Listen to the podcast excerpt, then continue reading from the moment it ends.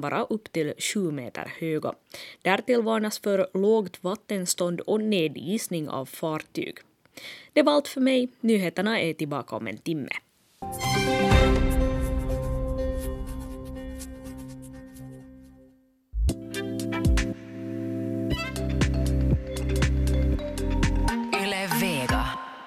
Och då fortsätter Naturväktarna här i Ylevega fram till klockan 11. Du är välkommen att ringa in 0611 12 13 eller så skriver du in en fråga till våra experter idag, Jörgen Palmgren och Hans Hestbacka, per e-post eh, natur.yle.fi.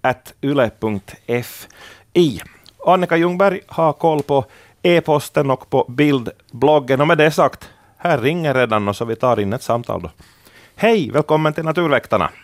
Hej. Vem har vi med oss? Det är Kurre Taxero från Argas. Hej på dig.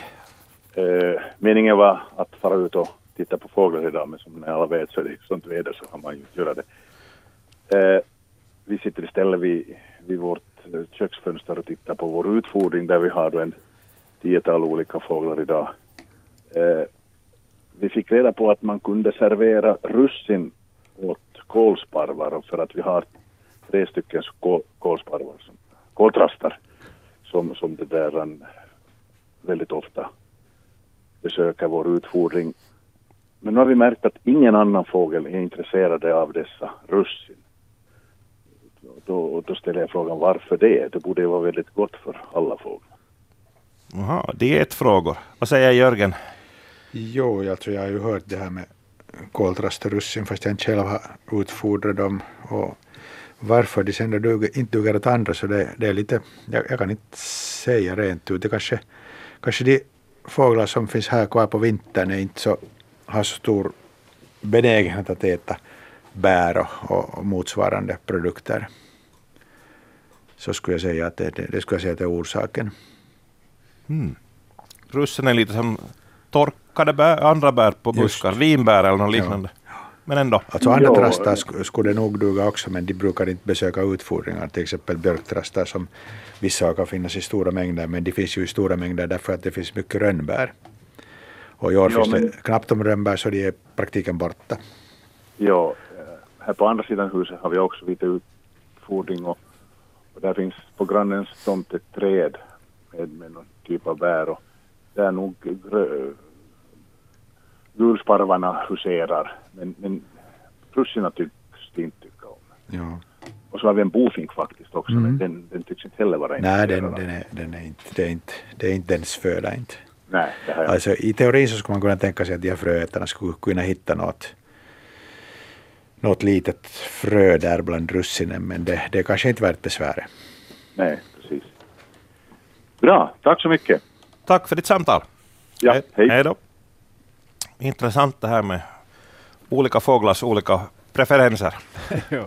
Sen är det det att de här övervintrande fåglarna, speciellt småfåglarna, så det är ju det, är ju det här inställda på att hitta frön och fett, inte russin. Så de koncentrerar sig på födoämnen som, som frön och fett. Mm. Det, det, är det centrala, medan då koltrasten eh, så Eh, som bärätare så har den ett, ett eh, vidare spektrum, trots att den kan äta också frön och fett under vintern. Mm. Hej, ska vi ta en, en av de bilder som har kommit in då? Den finns på vår bildblogg, svenska.yle.fi snedstreck natur. Klicka fram dig till Naturväktarna. Och sen bildbloggen. Det är ett av gnagt träd eller avnött, vad ska man säga? Så här skriver Benita Troberg i Jakobstad.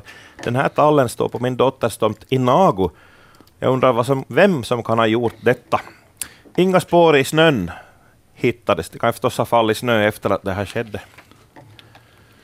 Men det är då en tall, och vad kan det vara, på dryga meterns höjd, så där har det börjat gnagas av, och så är det kanske en meters sträcka vertikal där det är bort, barken är borta. Man ser träet under. Ska vi rösta, Jörgen? Nu kan vi rösta, ja det där. Jag röstar på spillkråkan. Jag röstar tomt. Jaha, det var försiktigt. nej, nej, för att jag, jag förstår den här bilden och jag ser inte den här spillkråks, eh, spåren av spillkråksnäbben på det här, mm. men det kan mm. vara att, att den, eh, det inte går att förstora tillräckligt. Och, och det där, det, men det, det är nog om jag skulle, måste rösta på någon fågel skulle det vara spillkråka, det är klart det. Men de har på något sätt, det, det är som något som mår dåligt, den är kanske död och, och barken kan falla bort också av andra orsaker än att det Ja. vara någon fågel som, som hittar föda där under barken. Det var det det. Så, Ja. men, men en fågel är det, det är inte något landlevande Ja, markburet djur. Jo, eller så alltså fa- faller av sig själv också. Eller så har du hans något näbbspår här i det här. Nej, jag ser inte någon näbb så, men... men eh, Något gångar syns där nog, liksom spår av gångar ser Ja, så någon insekt har nog varit ja, där alltså under. där är skalbaggsgångar Ja. under. Ja, men nu kan ju spillkråkan ibland vara också så försiktig i sitt Ja. näbbande att det inte blir spår. Att Det, det är nog helt, helt, Ja, helt alltså okej med när, när, när barken sitter mycket löst så då, Ja. då bara bänder de loss Ja, den här. det. Då. Ja, det stämmer. Men, men annars har du alldeles rätt att, att om de måste arbeta ordentligt så syns alltid de här näbbspåren Ja, så det är ett här, eh, liksom flisor i, i, Ja. som- och spåret i sidled. i sidled. Ja. Ja. Och man kan ju gräva sen i snön och, och, och försöka liksom dra slutsatsen att när har det skett det här. Att, att Mm. finns där under snön, finns där barkflaggor, vilket det torde finnas Ja. i det här fallet. Ja. Intressant. Jaha, Annika eh, har fått ett, in, in ett e-mail om russinen här, en uppföljning på det. Ja, det är Morten som kommenterar att lavskrikorna i Lappland äter russin från folks händer. Aj, men det har jag inte testat. Jag testar nog eh, rökt ost, nötter och, och någonting. Jo, korv naturligtvis. Och, och rökt ost var av de här tre mest populärt Ser du bara. bland lavskrikor. Men russin har jag glömt. Nå, lavskrikorna har en bred diet alltså. Nå, inte den särskilt bred. De är nog liksom väldigt förtjusta i korv och ost.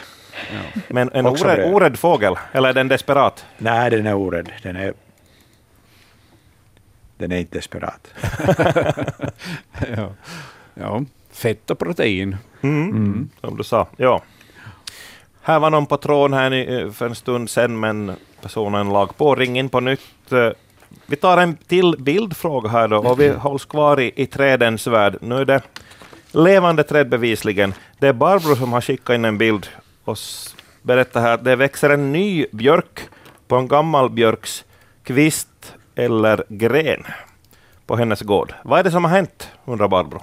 Och här ser man tydligt att det växer en rakt, helt vertikalt en, en björk begynnande stam kan man väl säga. Jag vet inte hur grov något, en, ett träd ska vara för att det ska ha en stam och inte bara vara en... Ja. Nåja, hur som helst. Mm, ja, den här grenen, eh, det finns en stump kvar, kanske en halv meter stump.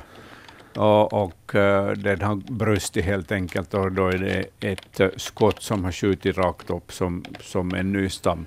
Så, att- så det är inte en, en, det här, en ny björk som växer, utan det är helt enkelt en, en, en gren på björken som har reagerat på det här sättet. Och, och man, man kan se sånt här nog alltid mellanåt i, i, i skogsnaturen eller också i städer när det gäller träd. Och, och det händer till och med att, att träd som böjs ner och blir horisontella, så där kan det skjuta upp tio stycken sådana här Ja, skott. Eh, Så att eh, träden har den här förmågan att, att eh, satsa på en så att säga ny stam när sådana här skador sker. börja på ny kula. Ja. Är, är sånt här träd något som kan ha något intresse för några sniderier eller så där? Det kan se intressant ut om man barkar av det. Ja, någon vinkel blir det ju förstås småningom som, som kan vara användbar på något sätt. Men, men uh, inte, inte är det något speciellt uh, värdefullt tror jag för, snick, för en snickare så överlag inte.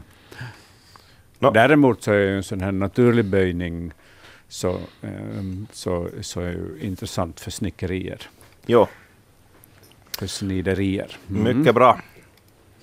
Ja, eh, vi har fått in mera e-post, Annika.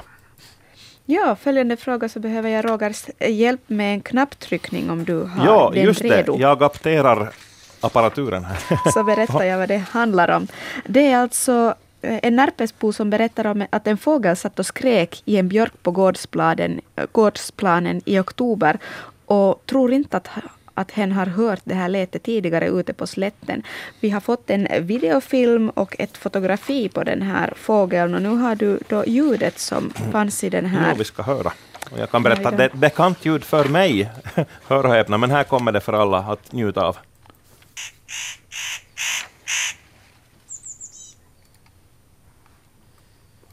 kort och gott, jag ska trycka igång det en gång till så vi får höra.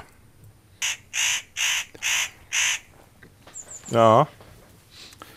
Jo, det var det här krr, krr, krr lätet som avsågs. Ja. Jo, det är mycket kännbart när man har lärt sig känna igen det. Det är nötkråka. Mm. Och här var också en bild, bild, bild på den. Vad ska man likna den vid? Den liknar som en, en, en skitotrast. Ja, lite. Ja, lite större är den. Jo. Ja, på lite annan färg. Ja. teckning. Nötkråkan, vad är det för en gynnare? Ska vi ta den då om den inte är helt bekant för alla? Vad är det för en fågel?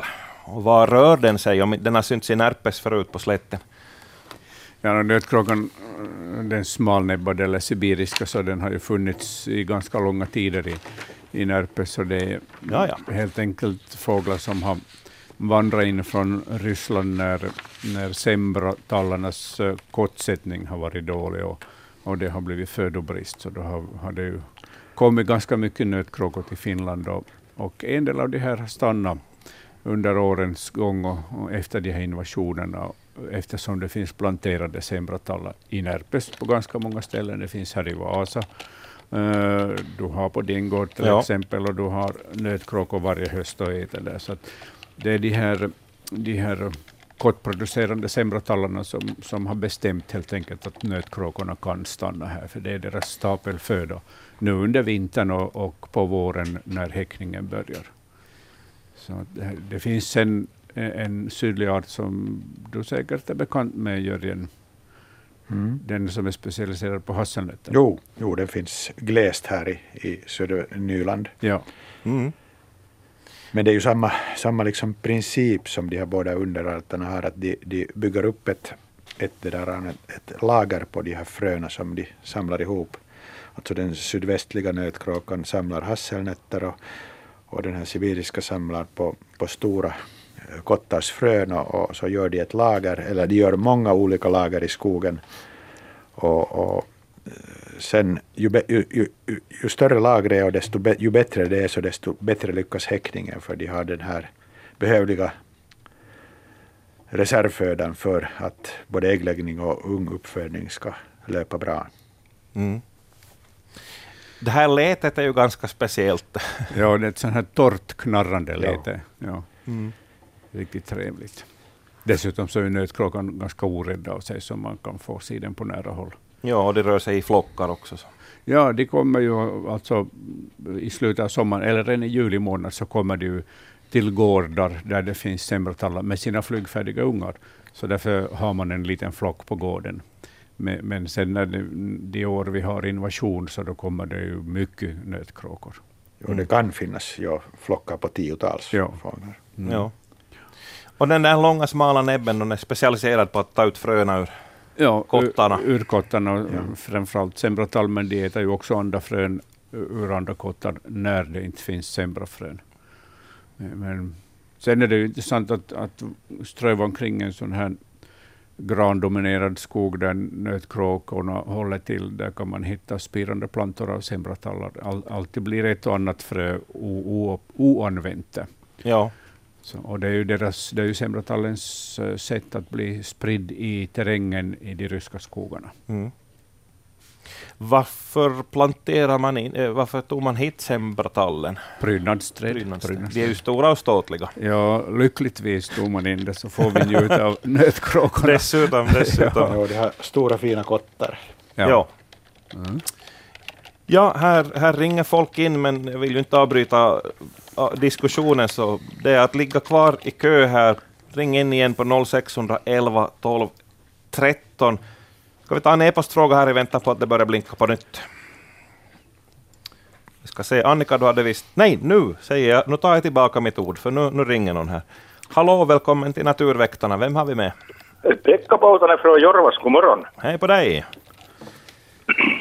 Ja, du har en fråga. Jo, hördu, jag sitter här vid köksfönstret och tittar ut. Ut och det där, där är två unga ekar. Det är sådär fem sex meter höga. Växer ganska nära varandra och terrängen är ungefär likadan. Men det ena eken är sån att där är nästan alla blad kvar. Bruna, men som sitter kvar. Men det andra som är bredvid, det är helt utan löv. Och, och, och jag har konstaterat tidigare år också på det sättet att vissa det här, av de här ekarna det håller löven hemskt länge och nästa genom vintern men en del liksom förlorar det nästa genast. Att, att, vad beror det här på? Ja... Eh, uh, väntas nu, nu måste jag försöka fundera om vi har flera raser av ekar. Det finns ju en som man brukar kalla bergsek som, som behåller sina, sina det här eh, löv ända fram till våren. Eh, det kan också vara en fråga om genetiska uh, egenskaper som gör att en del ekar fäller sina löv medan andra behåller dem. Men jag är lite ute på svag is nu då jag har det uh, alldeles klart för mig. Det borde vi kanske kolla upp ordentligt. Har du... Ja, vi har, nog, vi har nog haft det här i naturväktarna tidigare, men jag kommer inte heller riktigt... Jag, jag, jag liksom tycker att det var just det här att de, de är liksom anpassade på lite olika sätt. Ja. En del individer lämnar löv och en del fäller alla. Mm. Och ja. Det var Anders som hade det rätta svaret, men minns jag inte utan till riktigt allt. Inte.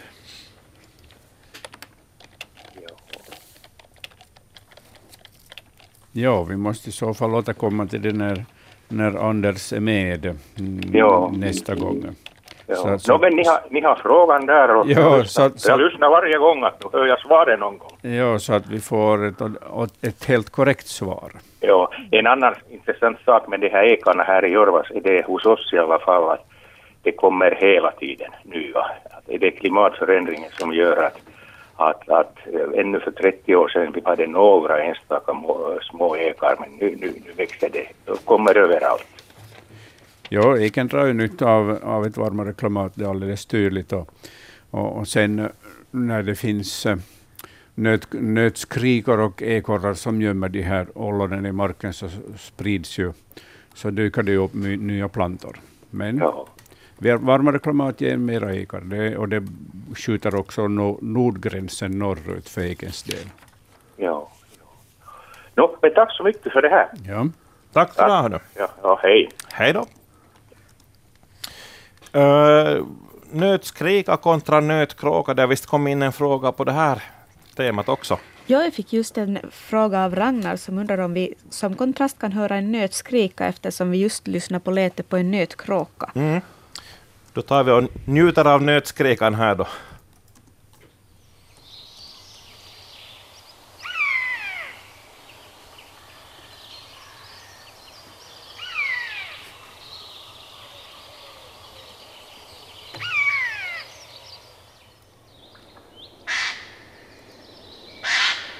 Där har vi det rätta. Jaha. Inte var det ju fel det. Nej, nej, men typiska. Ja. Arttypiska.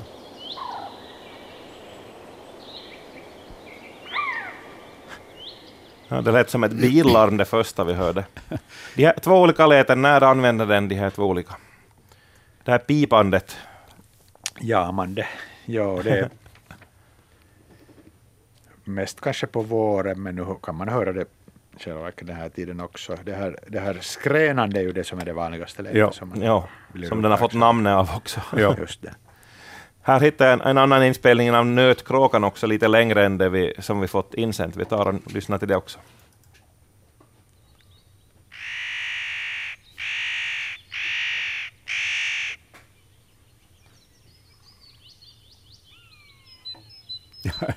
Där är båda. Ja.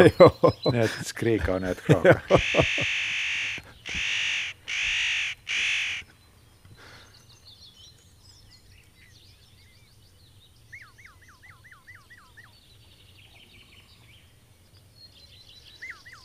Många härliga ljud här. Mm, Man börjar ja. längta till våren och sommaren. Ja, ja de här jamande lätena så kan ibland påminna, som nötskrikan äh, äh, står för, så de kan ju påminna om, om ormbråk och till och med om duvhök. Och, ja, så det kan vara lite äh, märkligt ibland att höra det där och tro att man har en rovfågel i, i skogen, men ofta är det en nötskrikan som står för de här jamande lätena i alla fall. Men, men just det här typiska kråklätet, så det hörde vi bra. Mm. Nu blir man nästan råddig när det talas om nötskrika och nötkråka. Ja. Vad är nu skillnaden på de här och utseende på de här frågorna? Så vet vi vad vi talar om. Ja, Jörgen. Jo, nötkråkan, de är ju lika stora som i storlek med kaja, kanske lite mindre. Uh, samma form också. Uh, men nötkråkan är brun och har ljusa prickar på fjäderdräkten. Och, det är en, och, och vitt har den på undergumpen, alltså under stjärten. Ja, det såg vi på bilden som vi fick ja, in tidigare. det stämmer. Ja. Och nötskrikan så är ju rödbrun med svarta vingar och svart stjärt och vit övergump och, och blått på vingen och lite vitt på vingen. Det är just det här blåa som jag känner igen Ja, no, det är ju väldigt kännbart. med den här eh, rosa-rödbruna färgen på Ja, huvudet. sen. just det. Ja. Men är de släkt på något vis? Det är kråkfåglar. Ja. Nötskrikan är ju annars en av våra vackrast färgade fåglar. Fantastisk färgsättning tycker jag och just den här blåa vingspegeln den är ju exotisk. Ja, det är den och blåmesen då förstås. Finns det andra fåglar med blått i, i Blåstjärt, päls. blåstjärt, Ja. Kungsfiskare. kungsfiskare, men de är få. Ja, Mm. det är få. Mm. Annars så det väl, sägs det väl att, att blått är en färg som fåglar skyr. De brukar undvika blått, ja. Mm. Klarblåa färger. Är de rädda för himlen eller vad? Jag vet inte, men... men Kanske eh, det, det är säkrat på det sättet att de inte flyger upp till himlen. ja, för högt. Nå, det var skoj det här naturligtvis. Och bränner sina fjädrar som Ikaros. ja, ja. Ja, men i, i, i vår fågelfauna så är blått en, en ovanlig färg i fjäderdräkten. Sen finns det ju tropiken av uh, härligt blåfärgade fåglar. Men, ja. men någon vanlig färg är det inte Mm. fåglar. Från fåglarnas värld ner till uh, något som kanske är en svamp, en bildbloggsfråga. Det är eh, en fråga som kom från Pargas faktiskt redan i oktober, men vi har, vi har en rejäl så kallad backlog med, med frågor. Allt ryms ju tyvärr inte med. Uh, här under då, den som sänder in bilden, är- kan det här vara svamp? Jag fotade det här i fjol då jag var i svampskogen och det, det är väl en, är det en tallstam och så några svarta grejer som ser ut som fingrar som sträcker sig ut. Vad i hela friden är detta? Finns på vår bildblock. Ja, jag har inte nu i all hast hittat någonting lämpligt. En svampart är det säkert, men har du Jörgen? Nej, jag vet inte heller, men Ja. jag har nog sett sådana här. Men, Ja. Ja, Och jag har hört det, men men jag, har- jag har glömt det också. Mm, är det en säljstam det här? Eller? Det ser nästan ut som en sälj. ja, om man ser på de här skotterna som är där, växer på sidan om det är samma art som Mm. Sticker Jo, jag, tyck, jag, bredvid. tyck, jag röstar också för sälj. Ja. Trädet alltså. Ja. Men vi måste kolla upp den här svampfrågan. In, in, Ja. Intressant bild Ja. på, på det här, den här specifika svampen. Mm. Intressant att också experterna går bet ibland. Ja, vi får återkomma till det. Mm. Vi lägger den bak örat till nästa gång och säger att fortsätt ringa in hörni gott folk. Vi har dryga halvtimmen på oss. 0611 12 13 och natur.yle.fi. I. Och här tar vi då till följande en så gott som dagsfärsk, dagsfärsk fråga. Det är Lena Puranen i Borgå som igår sände in denna observation. Jag träffade på levande metmask på en skogsstig den 30 december. Den var cirka 7 centimeter lång den här masken. Och utetemperaturen var kring noll grader då. Hur kan masken röra sig i den temperaturen, undrar hon. Och här har vi då bildbevis. Där ligger en mask. Stor och fet. Mm. Ja, det här är ett märkligt fenomen, men de kan faktiskt göra det. Eh, var var det? I Borgå. Borgå, ja. Eh, förmodligen så finns det ingen tjäle där. Hur är det, Jörgen, har ni någon tjäle i marken? Nå, jag har tittat på tjälmätare i Hangö och där fanns ingen tjäle. Ja, och då kan de här maskarna röra sig ända upp till ytan nog. Och, eh, min bedömning är att helt enkelt uh, tjälfri mark och sen har gången fyllts med vatten. Ja, Ja, den har tvingats upp. Ja, och därför För att ligga på snön är väl ändå ingen njutning. Nej, nej, nej, nej. Ja. Men den fryser ju inte ihjäl, men den blir ju långsam. Men annars skulle den ha drunknat i, i den här i sin gång. Och det är Mhm. därför man ser så mycket mask på uh, under regn och efter regn på gräsmattor och, och, och vägar och sånt där. Mm. De måste söka sig upp helt enkelt för att inte drunkna av allt vatten som Ja. kommer ner. Hans, har du hum om arten? Nej, det är Inte jag heller. nej. Jag kan inte maskarna. Dagmaskarna och Mm. nätmaskarna. Men vi har ju ett borr här till höger, Ja, så den är, den är ganska liten. den är ganska liten. Ja, men, men skulle passa bra nog till en ung dagmask, men Mm. vilken art så det kan jag inte säga. Ja, den ser lite platt ut den här Mm, ja. högra ändan på det här Ja. djuret. Ja, maskarna är ju annars nästan våra viktigaste djur. De, de, de luckrar ju upp marken och gödslar marken oerhört effektivt. Och minns jag rätt så sa Charles Darwin att det är världens viktigaste djur, de här dagmaskarna. Ja, det är liksom... Och renhållnings... Ja, ja, det också? Ja, och de bryter ju ner mycket, Ja. mycket växtmaterial. Och, När, vi, när, vi, när du sagt också att vilken art av dagmask är det, hur många olika maskar har vi då? Om vi rör oss i vårt land bara. ja, vad skulle vi ha? Ett tiotal arter kanske? Har du gjort någon? Nej, jag har inte det exakta antalet heller, men jag vet att de är flera. Jo, jo. Ja, no, jag trodde det fanns bara en typ. Jag. Nej, det finns nog många arter. Ja. Mm. Okej. Här var igen någon på tråden, men mitt, mitt i meningen så ring, blinkade så. Ring in på nytt. eh, ska vi se, eh, Annika, har det kommit några pinfärska e-mail? Jo, det droppar in i e-post nu och jag håller på att sätta upp bilder på bildbloggen så ni experter kan, och Roger kan uppdatera bildbloggen och sen när vi ser en ny bild där så kan vi ta in den. Ja. Men här, medan vi väntar på att den uppdateras så skulle vi kunna ta en snabb fråga från Solbritt som har ett handskmysterium. Är det möjligt att en skata kan ha tagit min handske som jag tappade på min gårdsblad? Den är svart och gjord av mocka med något lurvigt inuti och väger 60 gram. Eller kan något djur ha farit iväg med den? Ett djur kan ha farit iväg med den. Ja. Jag skulle säga att ekorre är största chansen.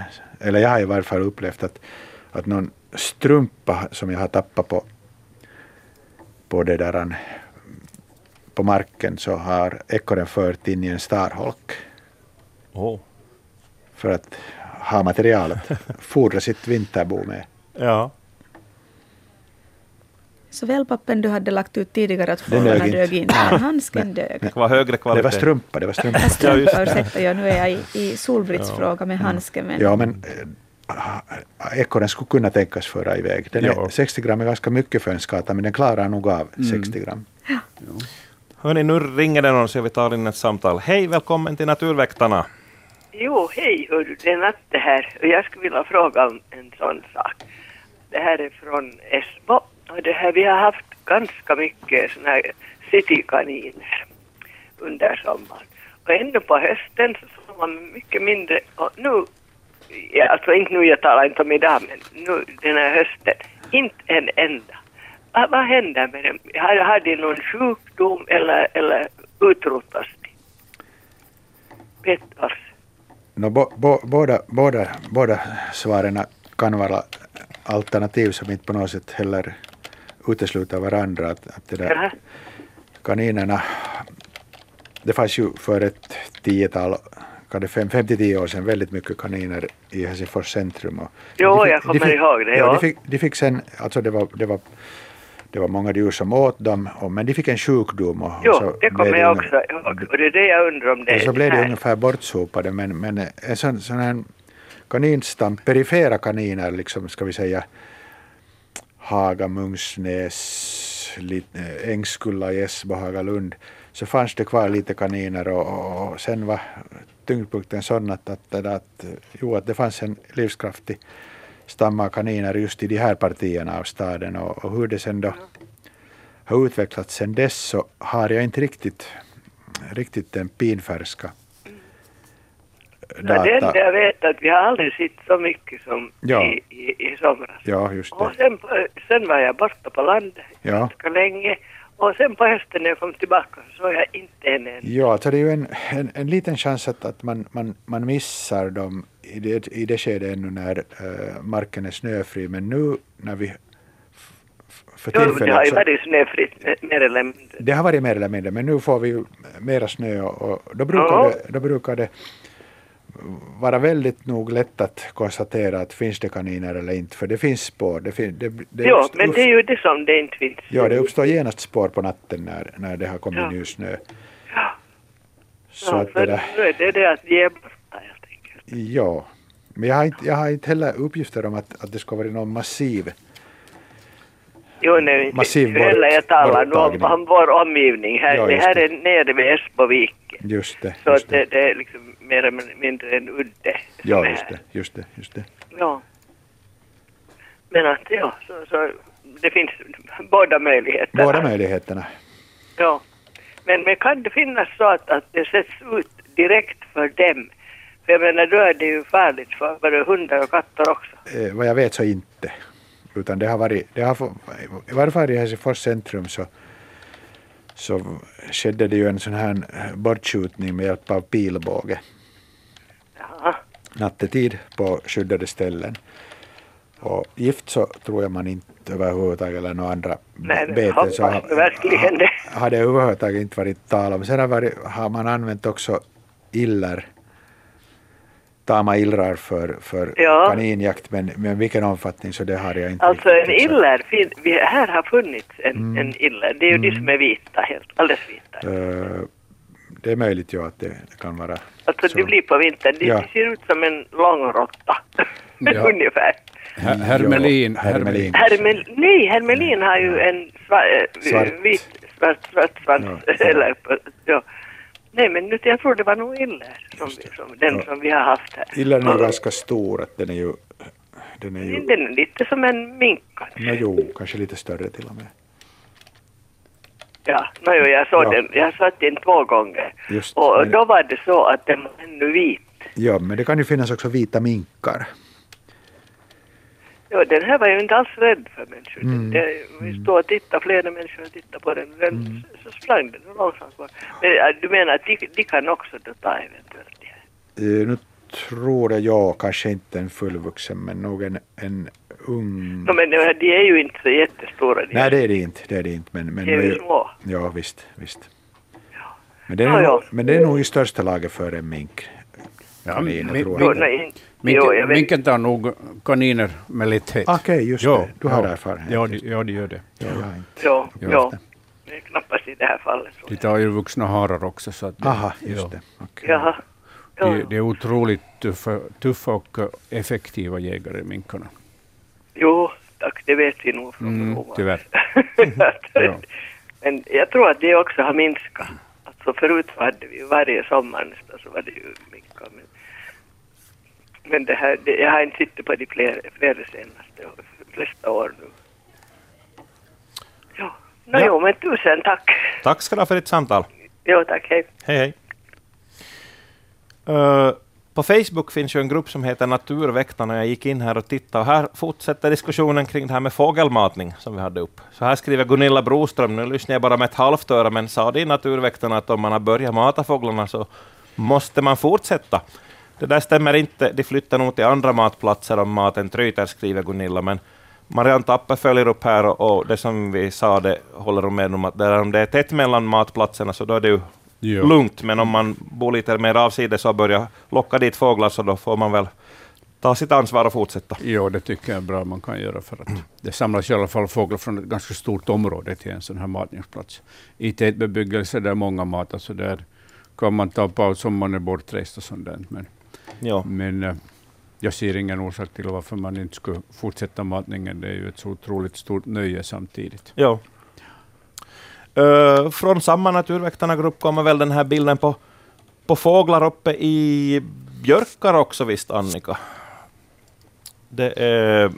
eh, an, an, eh, här skriver Lena Sjö Ja. frågan om, om Jörgen och Hans har observerat mycket orrar i år, för det är det väl det. Se, ser ni bilden? Jörgen och Ja, Hans? jo, visst det är orrar. Eh, noll orrar i år. Jaha. Jag har sett enstaka. Men hur är det i fjol, I 2018? fjol no, enstaka, men det, alltså orren är så väldigt, få, orren är så väldigt fåtaliga här i Nyland att det, Ja. man, man ser om man, okej om man vill se så ser man, men, men det, det är jobbigt. Det är jobbigt. så där som förr i tiden eh, när man åkte längs med, med vägarna så, så såg man orrar här och var och, och man kunde se flockar på tiotals fåglar, men i Nyland är det alldeles, liksom, det är alldeles, det är verkligen dåligt. Ja, det här, det här är ju fotograferat i Pedersör, alltså Ja. i Österbotten. Ja, det är bättre där. Och, och vi har ju betydligt bättre årstam här. Uh, minns jag rätt så, så så är årstammen i Österbotten de hör till de bästa i, i landet. Så att, Mm. så att visst ser man, uh, ser man uh, små grupper, men jag har inte sett sådana här mängder ännu. Men att jag Ja, hinner kanske. Jag har där minne från, det är nog från min barndom nu, Jo. det här skedet som jag såg, ett, såg och njöt av ett orrspel på Mm. 150 meters avstånd, 200 meter. Det var något att uppleva det. Ja. Hörni, nu blinkar det i båda telefonlinjerna. Jag lyfter luren och säger hej, välkommen till Naturväktarna. Vem har vi med? No, det är Benita från Kullo här i Borgå. Hej. Det, där, det är om de här vinter, vinterutfodringarna av fåglar. Och jag undrar när våra fåglar här, det är ingen skillnad om det är hackspettar eller mesar eller de här, eh, jag vet inte vad det är för en sparv, det är inte gulsparven men det är en sån här som vi har rikligt utav här. Så tycker om det här som jag har börjat föra ut som heter munkfett Ja. Mm. det, ju, det har ju ingen, det, här, det finns ju inte något salt i det. Nej. Att är det riktigt vanligt att man matar eller är det bara våra fåglar som har blivit lite konstiga? Har du Jörgen använt munkfett någon Nej, gång? jag har inte använt men Ja. jag, Jo, men det gillar de och så jag har vi kokosfett och jag sätter den in i en sån här, Ja. när jag har köpt de här färdiga såna här, de här fettkorvarna. Men de där fettkorvarna gillar de ju, men jag tycker att de roddar så förskräckligt med dem att det här går allt, de äter precis allt därifrån och det, det far ju inte något på marken inte. Ja. ja. Är det just kokosfett som oftast finns i de här munkfetterna? Det har jag för mig. och det, en blandning är det nog, det, det är klart. Ja. Men vad- Jo, där är som- väl något koko, eller något är där väl med i det här men att nu sätter jag ut den där halvkilosbiten i en sån här strumpa jag heller sån här och det far allt precis och det räcker ju ganska länge för att när de, där är inte något som de kan liksom uh, fälla ner utan de äter det. Och så har jag russin åt koltrastarna och så har vi vete och havra och, och, och det där korn och så är det lite rypsfrön med och det har, där är gulsparvar och där är andra av de här sparvarna och, så, och så skalade solrosfrön, det äter koltrastarna och så har vi solrosfrön med skal på som mesarna och äter. Och, och äppel brukar jag sätta ut, jag kör äpple i, i sådär att, att de får koltrastarna äta därifrån. Så här, här är sån trafik och här är grön, den här, vad heter grönspetten brukar här vara och den är i det där, i det där fettet. Ja, gråspetten. Jo, va? Gråspetten. Är det grå? Ja, Är det är grå? grå. Ja, fast den, Jo, okej. fast, fast den har grönt. Ja. Okej, jo, jo, Ja. den, jo. Så det där, att här är nog faktiskt, och så har vi nö, den här nötskrikan kommer och Ja. Men du har ju, du har ju, du har ju idealiskt mångsidig utfodring.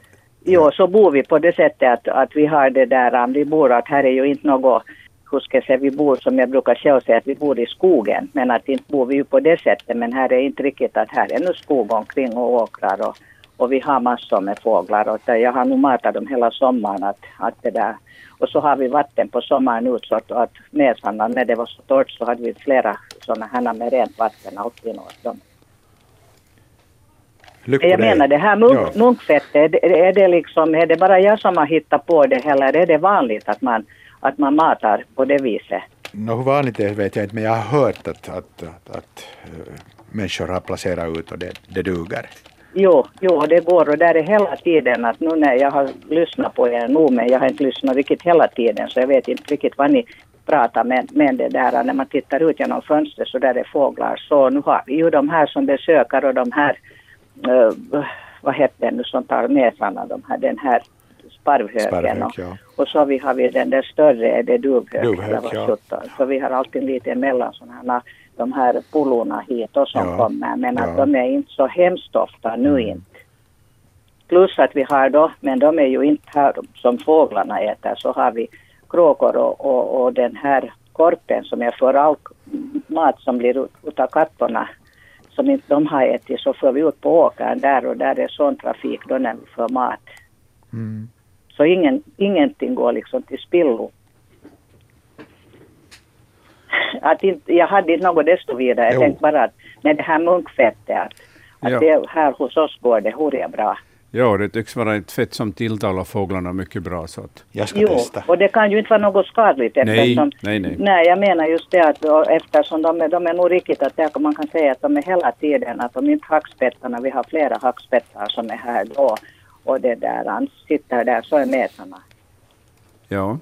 Ja, och att det är roligt att se på Mm. Men fåglarna. ett, ett gott tips, ja. man kan ju laga, laga egna sådana här äh, fett äh, grejer som du brukar laga då i, i, i kokoshalvor eller i, i lerkrukor kan man också gjuta sån här, Jo, sånt jo fett. säkert. Jo. Ja. För jag har bara märkt de här bollarna hade jag tidigare men jag tyckte att, att de, de rådde så förskräckligt att det blev en sån där liksom uh, fettmatta ner på marken riktigt när de hackade från de där bollarna. Det var inte alls, alls att de åt vad de åt därifrån och sen den här korven, ja den där stora korven gick bättre åt men Mm. att här försvinner liksom alltid fåglarna att det blir inte något på marken. Ja, därför att det är 100 procent fett. Så. Jo, jo. Mm. Så Jo, jag kan fortsätta, jag kan Jo, fortsätta då. jo, jo. Jo, Okej, det- tack, ska, Mm. tack ska ni ha. Hej då. Tack, hej. hej. hej. Hörni, här tar jag raskt in följande samtal när vi har folk på kö. Hej, välkommen till Naturväktarna. Ja, det är Gunnar från Raxfjärd, hej. No, men hej. Jag har ett inlägg om ma- fågelmatning. Eh, Ja. För många år sedan eh, då vi bodde i Västnyland så, så rådde en fågelvän oss i Svartå att utfodra fåglarna med havreflingor som man blandar med, med, med varm olja. Mm. Ja. Och det har vi gjort i många år och, och, och, och koltrastarna i synnerhet och småfåglarna tycker bra om det där och nötskrikan och till och med nötkråkan.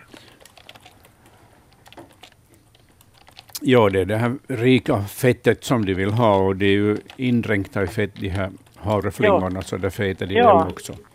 Jo, jag tycker det är ett fint sätt och, och, och för att det är svårt att mata koltrastar. Man vet inte riktigt vad man ska ge åt dem. Ja, Men det var ett litet inlägg bara. ja. Vad bra. Mm. Hej. Jo, tack så för det. Hej, hej. Ja, fågelmatningen engagerar. Jo, den engagerade för att det är många som matar och många som njuter av det och många vill ju mata ordentligt så att fåglarna har nytta av det. Mm. Vi har Naturväktarna ännu i var 14 minuter. Vi har ett par bildbloggsfrågor ännu här. Vi ska se nu, Annika, du har kanske koll på vad vi har. Först ska jag läsa Inte. upp en kommentar som Camilla har om, om fågelmatning. Hon har reagerat på att vissa fågelarter vid fågelbräde nästan utan undantag kommer i par, till exempel domherren. Om hon ser två hanar så finns det säkert också två honor. Samma sak gäller steglitsar, de är alltid två. Också grönfinkarna är ofta fler än en. Rör de sig gärna i par? Och är det samma par de, som då häckar i våren? Det undrar Camilla i Borgå. No, jag skulle, ja, det låter ju väldigt romantiskt det här att det är på det viset men, men det, där, det är inte nödvändigtvis på det viset utan de, de rör sig alltså i små flockar, de här finkarna. Domherrarna i små flockar och steglitsarna i små flockar och grönfinkarna i små flockar. Och det kanske har råkat sig så att de har varit parvis. Ja, så de borde inte, inte hålla Nå, ihop på det, vintern. det är inte omöjligt Ja. att, att par, paret kan hålla ihop men, men det, där, det är inte nödvändigtvis så att det är ett, ändå ett par som häckar sen. Men he, chanserna är stora. Ja. Ja. Men hur det gör det med domherren? De brukar ju vara ganska, uh, leva parvis året runt. Mm, no, jo, men å andra sidan så de är väldigt nomadiska också. Det finns ju, Mm. man Ja. har ju ringmärkningsmaterial från vinterhalvåret där domherrar har förflyttat sig 500 kilometer i landet. Så, Ja. att, så att det, där, det är inte liksom alltid riktigt bombsäkert. Det här Nej, nej, nej men, men, men mång, alltså de som man så att säga har omkring sig under vintern vid matningen och sånt så ofta det är ju ett eller två par eller tre par. Det är ganska Jo. jämnt. Jo, det, det, det är stor chans att, att de häckar i närheten. Ja, ja. Särskilt om de, om de besöker utfodringen ännu i maj och juni. Mm. Plockar där på marken bland Ja, nerfallna solrosfrön. Så då är det utan vidare häckande par från närheten. ja. Men jag tror att, någon, att, att det här är inte riktigt utrett ordentligt det här Mm. med domherren. Att hur, hur, de, hur de riktigt, hur de häckande paren, hur de, hur de utnyttjar sin omgivning. ja, lyckligtvis så finns det mycket att undersöka Ja, och ta reda på ja.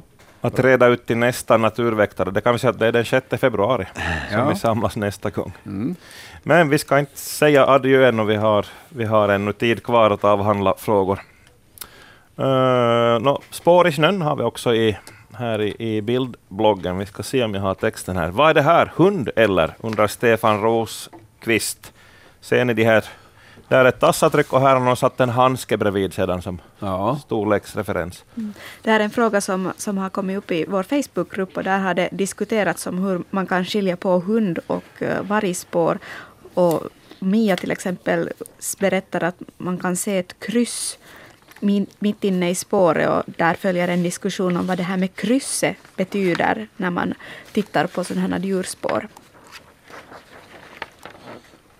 Ja, det normala så brukar ju vara när man försöker skilja eh, äh, vargspår från hundspår, att man, man sätter en linjal eller någonting annat rakt föremål, eh, äh, placerar dem inne i tassavtrycket. Och eh, om de här trampdynorna är åtskilda, de två första och de två, de, de två sen som kommer mellan, mellan trampdynorna, så, så det varg, går de ihop alltså Eh, så att den här linjalen eller strecket skär de här trampdynorna. Så då är det fråga om eh, hund. Det är inte en hundraprocentig regel som gäller, men det är en regel som gäller i ganska många fall. Eh, Vargspåret är mer öppet, eller vargtassen är mer öppen än, än den här hundtassen och därför kan man få den här, den här raka linjen då fri mellan de här trampdynorna. Mm. Ett stort hunddjur har utan vidare gått här, det ser man på de här, de här kraftiga kloavtrycken eh, som är typiskt för både stor hund och varg.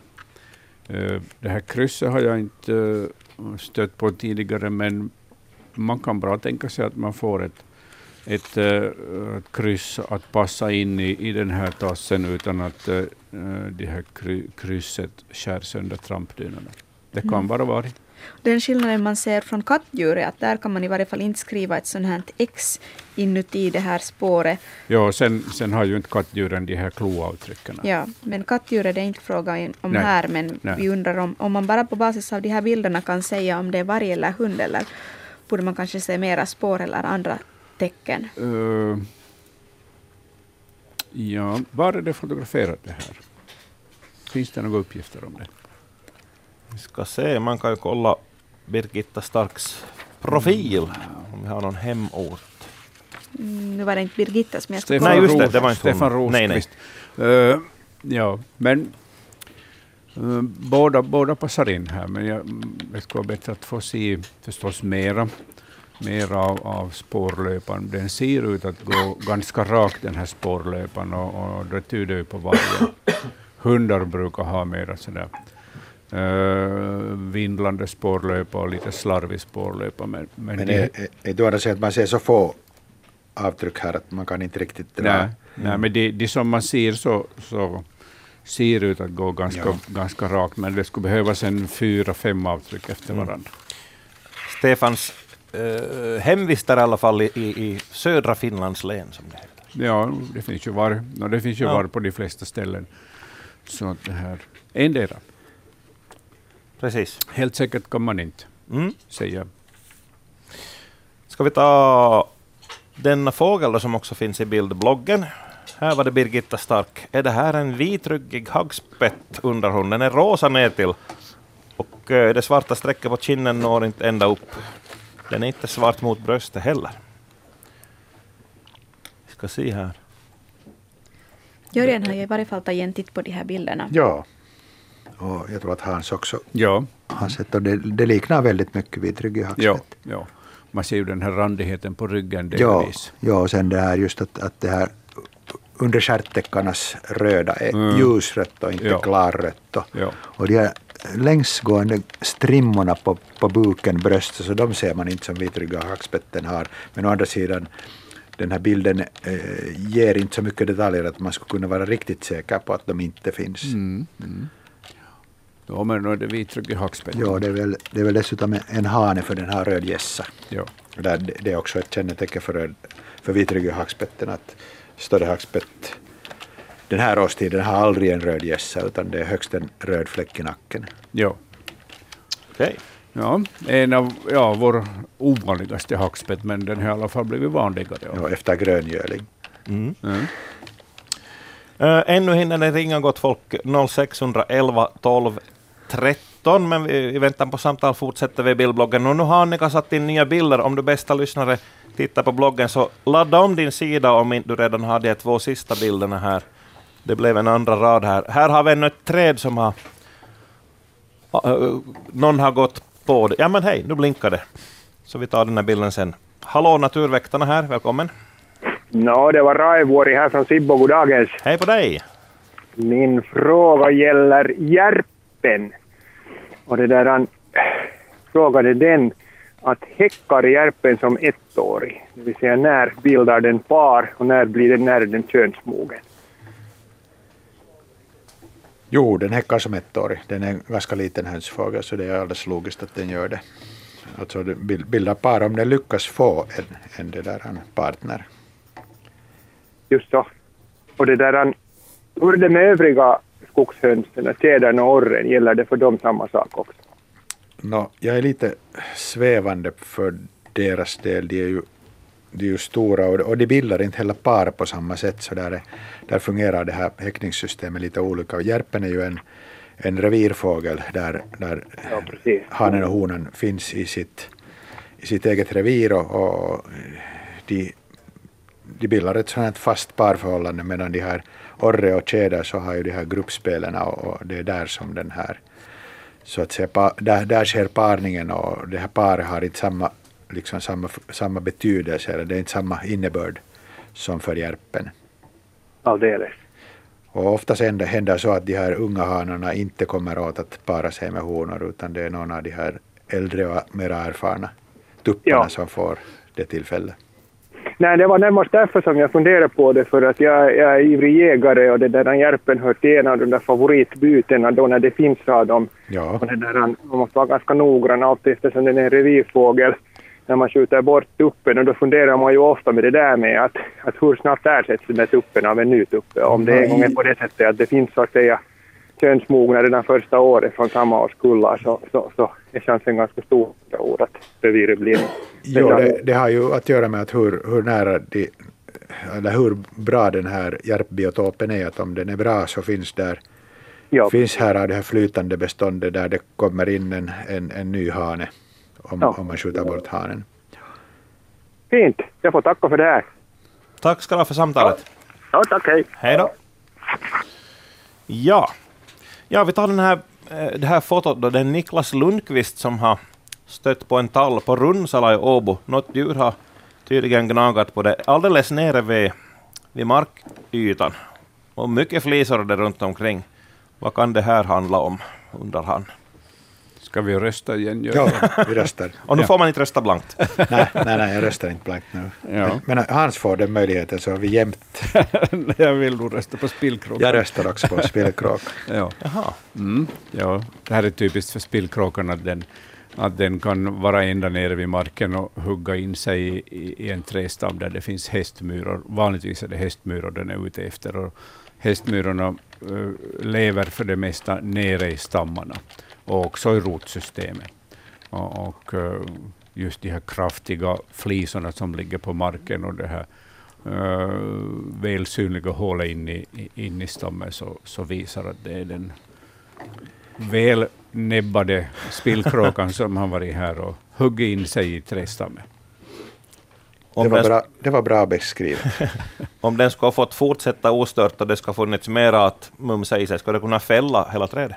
Nej, det har jag inte sett någon gång, utan det brukar vara så här att, om, om, de vill, om det finns myror högre upp så kan den flytta sig en halv meter upp och så hugger den sig in där på nytt. Därför att de har, de har en, en lång hullingförsedd uh, tunga som de skjuter in i de här gångarna och plockar åt sig. Och sen när de här gångarna är tömda så då måste de hugga in ett nytt hål då högre upp eller lägre ner.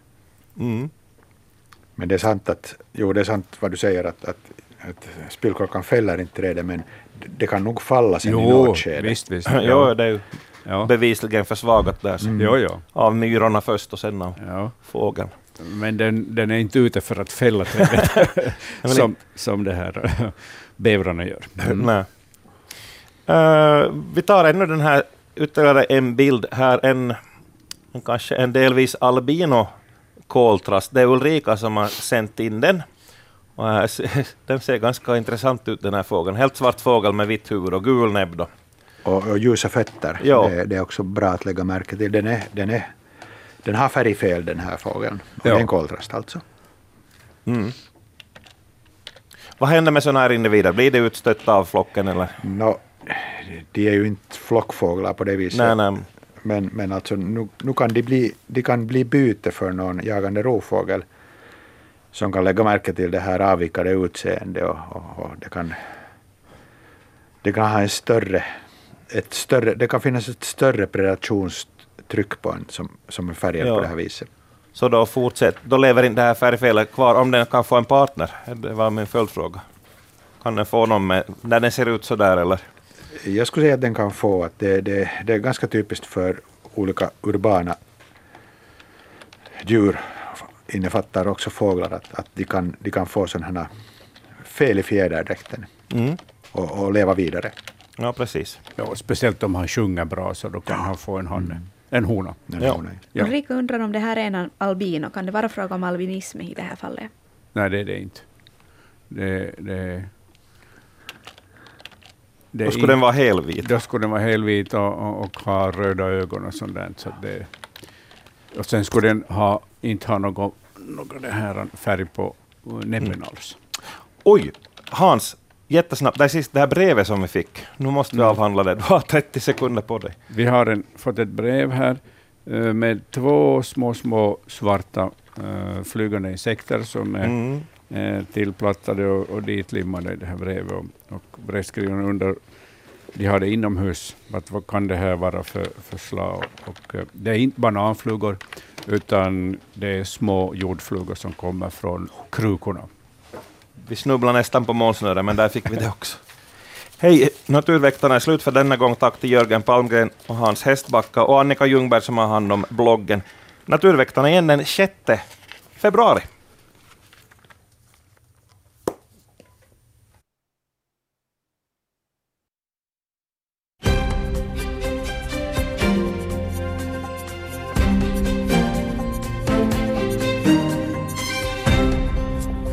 Klockan är 11, det är nyhetsdags i Yle Vega. Vi har precis fått veta att flera personer har omkommit i en tågolycka på bron över Stora Bält i Danmark.